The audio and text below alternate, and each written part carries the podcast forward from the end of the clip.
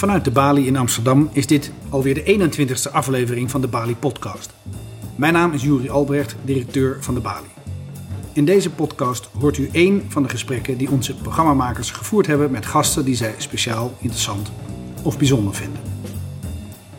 In deze aflevering hoort u een gesprek tussen onze redacteur Rick Zeveke en de kerstverse Amsterdamse wethouder van Onderwijs, Armoede en Inburgering, Marjolein Moorman. Drie weken geleden werd het college geïnstalleerd. In dit gesprek praat Rick met Marjolein Moorman over de eerste weken van het wethouderschap, haar doelstellingen voor de komende jaren en het belang van brede middelbare scholen. En ze vertelt wat ze bedoelt met gelijke kansen betekent ongelijke behandeling. U luistert naar Rick Zeveke in gesprek met Marjolein Moorman live in de Bali.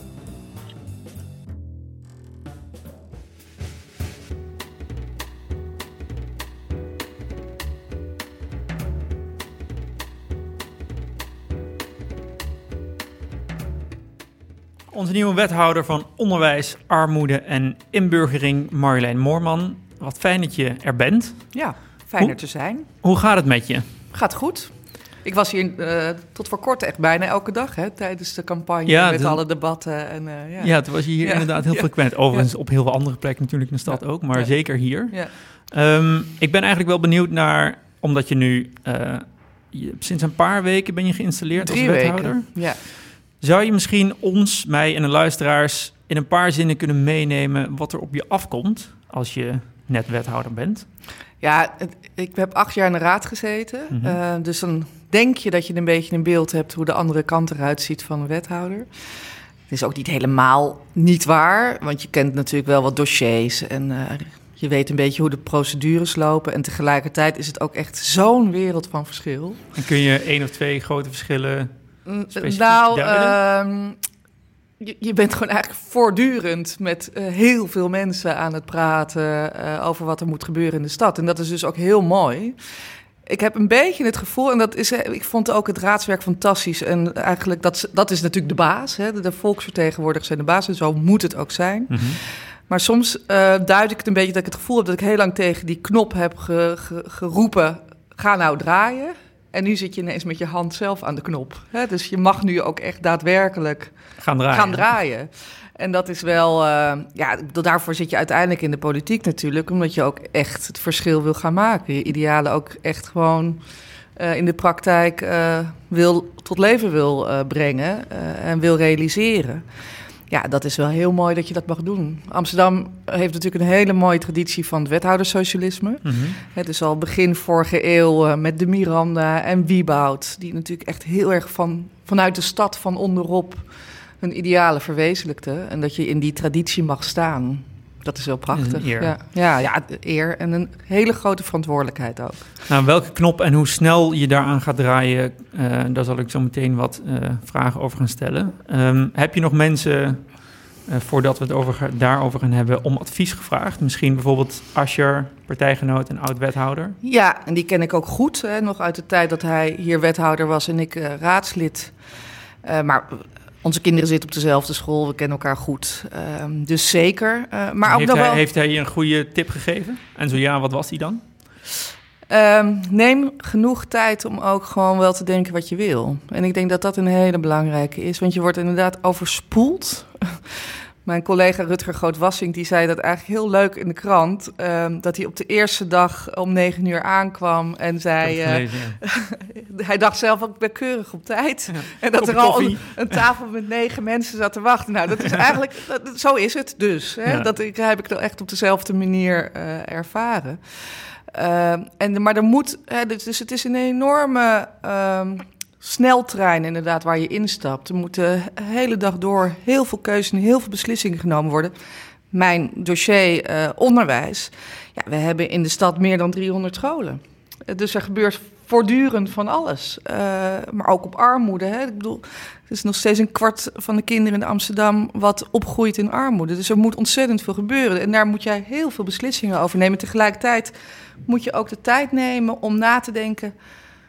waar moet nou echt de prioriteit op liggen? Want anders dan word je gewoon meegezogen en De verleiding is meegesleurd. misschien in- groot om direct al eh beslissingen te gaan nemen. Nou, en dat, ja, te precies. snel misschien keuzes ja, te maken. En dat moet ook wel. En tegelijkertijd moet je ook wel heel goed nadenken... wat wil ik in deze vier jaar nou precies bereiken? Je zei net al, ehm, eh, je stipte net al aan dat onderwijs een van de portefeuilles is die je hebt hè, als wethouder. Waar heb je zelf op school gezeten? Hè, basisschool of middelbare school? Beide.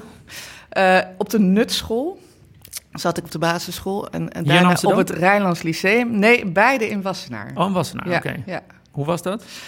Eh, nou, leuk. Eh, de Nutschool was een hele leuke, fijne basisschool. Gigantisch chaotisch, maar ik heb daar goede herinneringen aan. Het Rijnlands Lyceum staat wel bekend als een van de grootste kakscholen van, van Wassenaar... en daarmee dus ook wel van Nederland. Oké.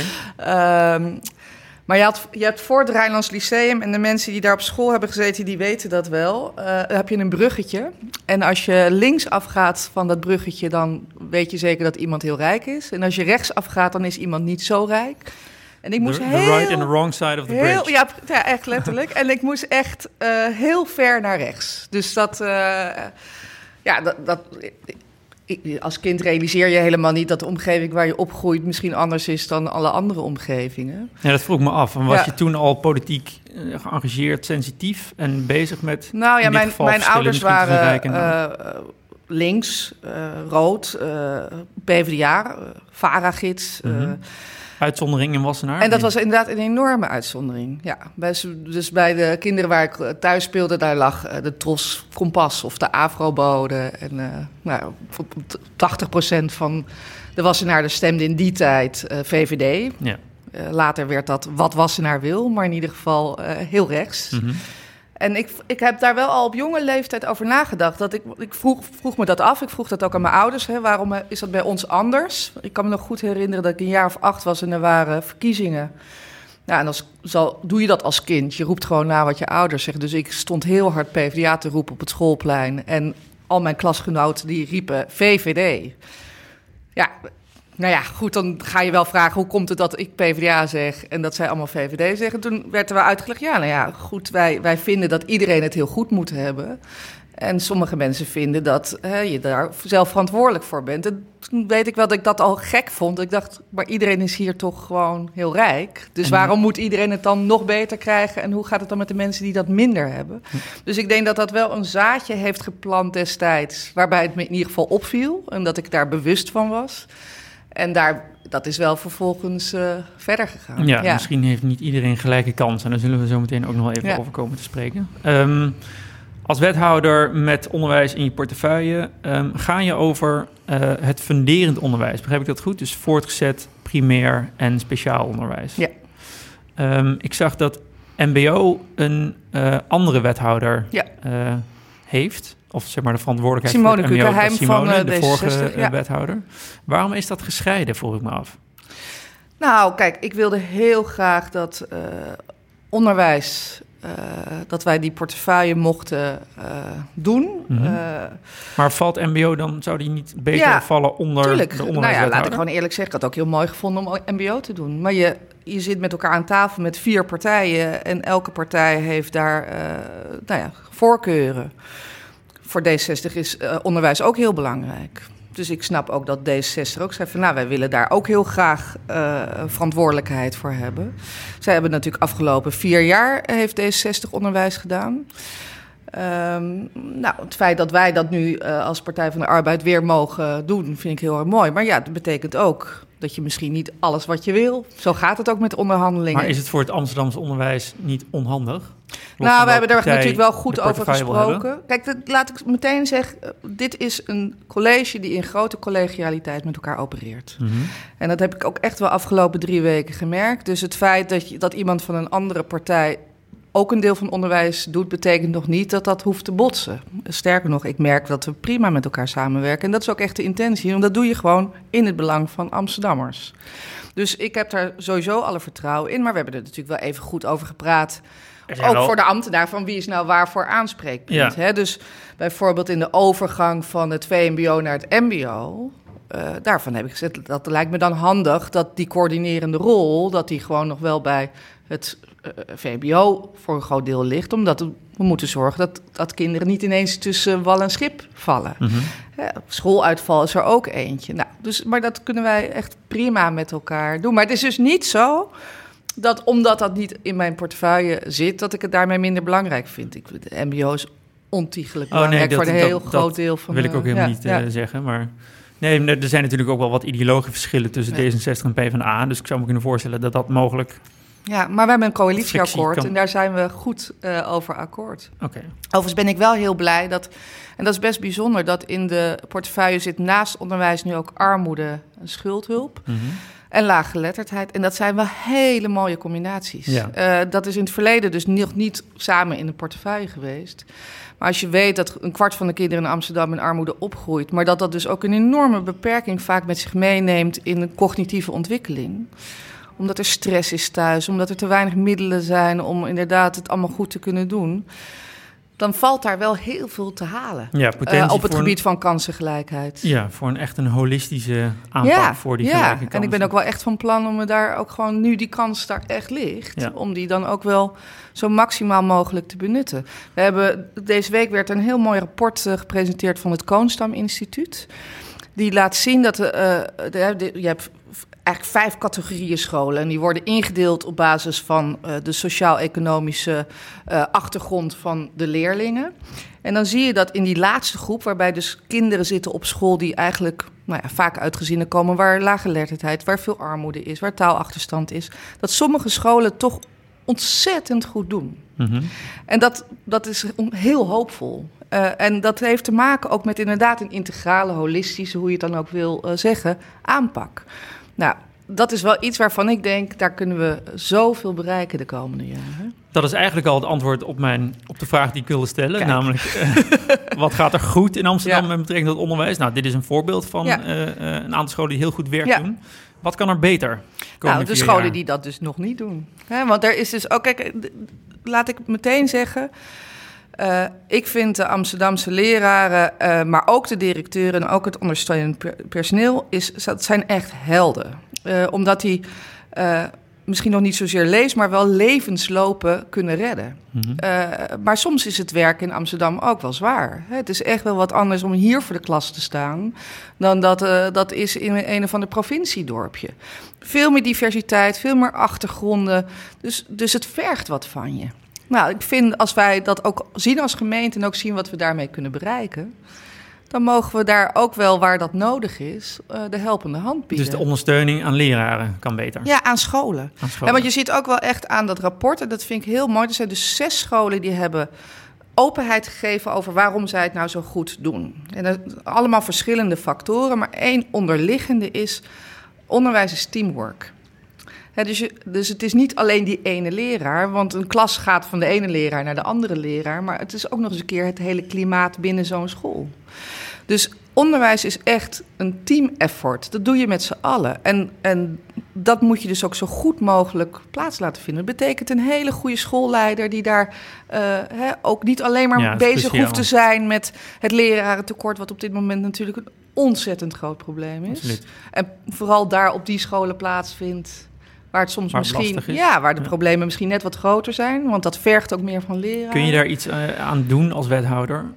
Ik vind dat- dat... je altijd het maximale moet doen. En dat betekent nog niet dat, dat daarmee meteen alle problemen zijn opgelost. Want helaas heb ik geen toverstaf. eh, en kan ik niet even zwaaien en dan is het gedaan. En het zijn complexe problemen. Maar ik vind dat je er alles aan moet doen wat, wat kan helpen om te zorgen dat het probleem wel wordt opgelost. Iemand vroeg aan mij, wat is bijvoorbeeld je doelstelling op armoede? Nou, als je dus ziet een kwart van de kinderen in armoede... Ja, ik zou dan kunnen zeggen, nou ja, over vier jaar is nog maar 22 procent. Mhm. Ik vind dat een idiote doelstelling. Mijn doelstelling is geen armoede. Nul. Ja. En dan zegt iemand, ja, maar dat, dat, kan niet, dat ga je niet bereiken in vier jaar. Nee, dat, dat zal waarschijnlijk zo zijn. En toch blijft dat mijn doelstelling. Want dat is het enige wat, wat, wat acceptabel is. En wat is dan, Alles de, daarboven is eigenlijk onacceptabel. En moet ook altijd de drijfveer zijn om door te blijven wat is dan de doelstelling met betrekking tot onderwijs? Als je hem zo zou Gelijke kunnen kansen. formuleren? Echt, echt gelijke kansen. En dat betekent, de start is ongelijk. Eh, want de een die heeft ongelooflijk veel mee van thuis. en de ander gewoon minder. Even liefdevolle ouders misschien, maar de, de taal is er niet, of er is veel armoede of er zijn schulden. Dat zal betekenen dat je dus misschien ook wel eh, ongelijk moet behandelen. Ik geloof dat als je echt gelijke kansen wil bieden, dat je dus een ongelijke behandeling moet geven. En dat betekent niet dat je anderen minder moet geven. Hè? Dus ik wil niet eh, gelijkheid bevorderen door eh, kinderen naar beneden te halen. Ik wil dat iedereen op dat allerhoogste niveau eh, terecht kan komen. En dan bedoel ik met allerhoogste niveau niet dat iedereen naar het gymnasium moet gaan, maar wel dat iedereen optimaal voor hem of haar haalbaar. talenten kan benutten. Wat dat dan ook is. En dat het dus niet zo moet zijn dat een achterstand bij de start leidt tot een achterstand gedurende je hele leven. Maar de, dat, als ik dan goed naar je luister, dat zou ook kunnen betekenen dat, dat de middelen die beschikbaar zijn voor scholen in Amsterdam mogelijk ongelijk worden verdeeld. Ja, ten behoeve van gelijke Dat kansen. betekent het, ja.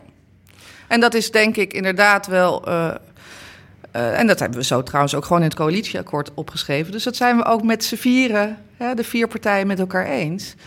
Maar dat, dat, is, dat markeert denk ik wel dit college. Betekent dat ook dat, het er meer, dat er weer iets meer top-down zou worden gestuurd vanuit de gemeente richting scholen toe? Nou, ik geloof dat je eh, vooral eh, moet zeggen wat je wil bereiken. Eh, en dit is dus wat we willen bereiken, die gelijke kansen.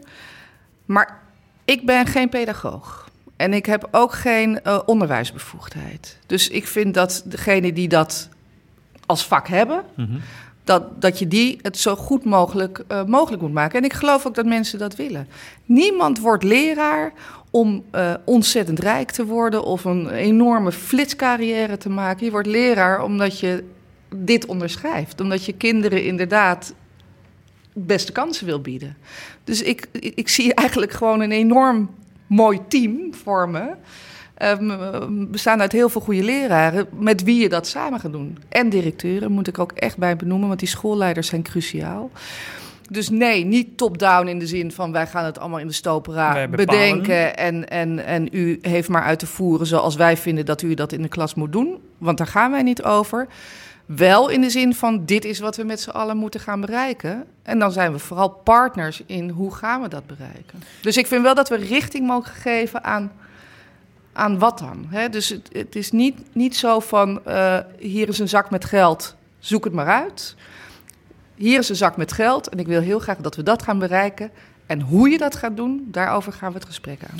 Een van de manieren uh, om gelijke kansen te bevorderen um, is mogelijk het volgende. En nu uh, citeer ik Herman van der Werfhorst, hoogleraar sociologie ja. hier aan de UvA. Hij schreef onlangs, ik geloof in juni, op Didactief... Uh, het ministerie, wethouders en scholen moeten om de tafel om kansengelijkheid te bevorderen. Een afwachtende houding met de armen in de lucht is nu net niet wat nodig is. Laat lokale overheden haar mogelijkheden gebruiken om gelijke kansen te bevorderen. Zet een mooi schoolgebouw neer op voorwaarde dat er een brede scholengemeenschap inkomt, bijvoorbeeld. Is dat een concrete manier om ja, ik ben het uh, heel erg hardgrondig mee eens. Dus we gaan meer brede scholengemeenschappen zien na vier jaar, als het goed is. Ja, en ik hoop vooral dat we die ook heel erg waarderen. Uh, ik vind dat er een trend gaande is in de stad die ik echt wel zorgelijk vind. Uh, dat noem ik VMBO-kramp. Uh, en die is vaak ook onterecht. Maar er is, je ziet dat, dat heel veel ouders het gevoel hebben dat eigenlijk de enige school die echt veilig is, die de, de, de, optimale kansen biedt, dat dat dan een categoraal gymnasium is. Dat hoeft helemaal niet zo te zijn. Vroeger waren er helemaal niet zoveel categorale gymnasia. Sterker nog, een categoraal gymnasium werd vooral gezien als heel suf en stom en daar wilde je niet gevonden worden. En ineens is er een trend ontstaan alsof dat het enige is wat nog goed is, terwijl dat echt zonde is. Ik denk dat voor een groep leerlingen een categoraal gymnasium uitstekend geschikt is. Maar als je nu ziet dat 80% van de kinderen van hoogopgeleide ouders met een VWO-advies naar het categoraal gaat, dan denk ik dan is er eigenlijk iets anders aan de hand. En dat is misschien wel uh, de wijze waarop wij brede scholen waarderen. Ik denk dat er binnen brede scholen uh, heel veel rijkdom is. Rijkdom, Welke rijkdom? In, nou, bijvoorbeeld in diversiteit. Maar ook uh, rijkdom in uh, hoe kijk je naar de wereld, creativiteit. misschien wel ook ontspanning. Dat het niet altijd maar dat enorme presteren hoeft te zijn, maar dat er veel meer is in het leven dan alleen maar die allerhoogste cijfers. Nou, en ik zou willen dat we inderdaad daar veel meer. En ik denk ook dat we. Dat is niet makkelijk uh, om zo'n trend te keren. Maar ik vind wel dat we daar met z'n allen ons best voor moeten doen. En dat moet ik dus ook als wethouder onderwijs. En als ik dit vind, dan betekent dat dus ook dat, dat brede scholen, brede brugklassen overigens ook. Want we hebben ja, een hele rare vroegselectie in Nederland. Hè, waarbij we al op elfjarige leeftijd zeggen: jij bent zo'n kind, jij bent zo'n kind of jij bent zo'n kind. En je gaat een vakje in en dat uh, ja, bepaalt dan de rest van je leven. Onder druk te staan, ja. ja. Maar dat we dat dan dus ook uh, zo goed mogelijk moeten steunen. Dus ja, dat betekent soms de allerbeste school of de allermooiste school uh, in misschien wel de moeilijkste buurt. Zoals dat overigens ook wel eens eerder gebeurt. Hè? Ik weet nog dat toen het Calvijn uh, College door Eberhard van der Laan werd geopend, dat hij precies dat zei. Dit is wat onderwijs hoort te zijn. Ja. Hè, de mooiste school in een uh, buurt die dat verdient. Weet je overigens, want je had, ik weet niet of je dat weet hoor, maar je had natuurlijk onderwijs ook al volgens mij als raadslid uh, ja. als portefeuille. Ja. Uh, dus mogelijk weet je het wel. Um, zijn zeg maar de leraren, schoolleiders en besturen in Amsterdam, um, om even terug te komen op dat selectiemoment, zijn die het eigenlijk eens met het feit dat, dat we eigenlijk veel te vroeg selecteren in Nederland? Als, en met andere woorden, zou je als stad, ondanks dat Den Haag hier formeel over gaat, kunnen zeggen: in Amsterdam gaan wij pas op 16-jarige leeftijd selecteren? Ik bedoel, dat behoeft er nogal. Nou ja, dat, ja, dat, dat, ik, ik, weet niet, de, de, wetten zijn daar best wel uh, dwingend uh, uh, in. Maar we hebben natuurlijk bijvoorbeeld in Amsterdam Zuidoost nog steeds het OSB. Wat eigenlijk de oude middenschool is. Hè? Ja. Dus daar zitten, ze, zitten de kinderen tot, tot de tweede of derde klas nog gemengd door elkaar. Dus het kan wel degelijk. Nou, dat en ik weet wel dat veel. Kijk, het is eigenlijk heel gek hè, wat we doen in het onderwijs. Want er zitten in zo'n klas zitten kinderen uh, die soms een jaar van elkaar verschillen in leeftijd. En die moeten allemaal aan het eind van dat schooljaar moeten ze precies hetzelfde ja. kunnen. En daar worden ze dan op afgerekend. En, nou, dus, dus dat is alleen al in leeftijdsverschillen is trek. Maar we weten ook, dat er zoveel uh, wetenschappelijk bewijs dat kinderen zichzelf gewoon anders ontwikkelen. kijk alleen maar naar het verschil tussen jongens en meisjes. De cognitieve ontwikkeling van jongens is gewoon veel uh, langzamer. Uh, en ontwikkelen zich misschien veel langer door dan van meisjes. Dat betekent dat meisjes dus enorm ja. voordeel hebben ten opzichte van jongens. In de, de manier, de manier waarop, het georganiseerd op, op, op, op, dit moment. En dat zie je ook trouwens gewoon terug in, in het onderwijs. Hè. Kijk maar naar de onderkant van de onderwijskolom. Het praktijkonderwijs, leerweg ondersteunend. Daar zitten met name jongens. Dan mag je jezelf wel afvragen, wat is daar eigenlijk aan de hand? Ja. Hè, dus dus uh, kijk, als ik alles opnieuw zou mogen uitvinden, en er zijn best wel momenten dat ik denk, was het maar zo? Ja, dan zou je dit echt anders moeten doen. Nu zitten we in dit systeem en dat zegt niet dat we het nooit moeten veranderen. Uh, maar laten we dan vooral laten zien hoe het anders kan. En ik, en ik zou dus heel graag willen dat we dat soort initiatieven als brede brugklassen. Laten we laat zien dat het anders kan. Kom met overtuigend bewijs. En hopelijk kunnen we daarmee dus ook in de toekomst uh, ministers van Onderwijs overtuigen. Dat en... misschien een andere route hierin wel beter is. Nou is het wel altijd een heel gevaarlijke discussie. Hè? Want er zijn natuurlijk meerdere malen systeemdiscussies geweest over het onderwijs in Nederland. Mm -hmm. Die zijn meestal niet zo heel goed afgelopen. Nee. Dus het, je begint daarmee wel een discussie die uh, wel allerlei gevolgen kan hebben. Maar dat, dat ontslaat ons niet van de plicht om altijd goed te kijken.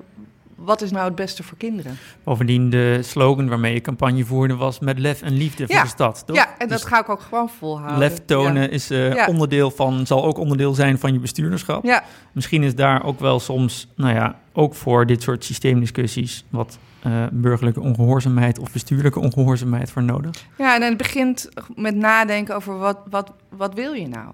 Ja. En dat begint dus ook echt met, met kinderen. Ik bedoel, onderwijs, dat is allemaal zo logisch en toch is het niet altijd zo, hoort te gaan over kinderen. En soms gaat het over leraren of gaat het over, nou heel vaak over geld. Maar het hoort te gaan over kinderen. Um, als laatste vraag. Uh, je zei net, stel dat ik uh, geen beperkingen had en ik zou alles opnieuw mogen uh, inrichten. Als je één ding zou kunnen veranderen ja. zonder enige beperking uh, voor het Amsterdamse onderwijs en voor alle leerlingen in Amsterdam, wat zou dat dan zijn? Ik zou heel graag uh, veel meer ontspanning erin willen krijgen. Ik vind echt dat We zitten in een soort red race.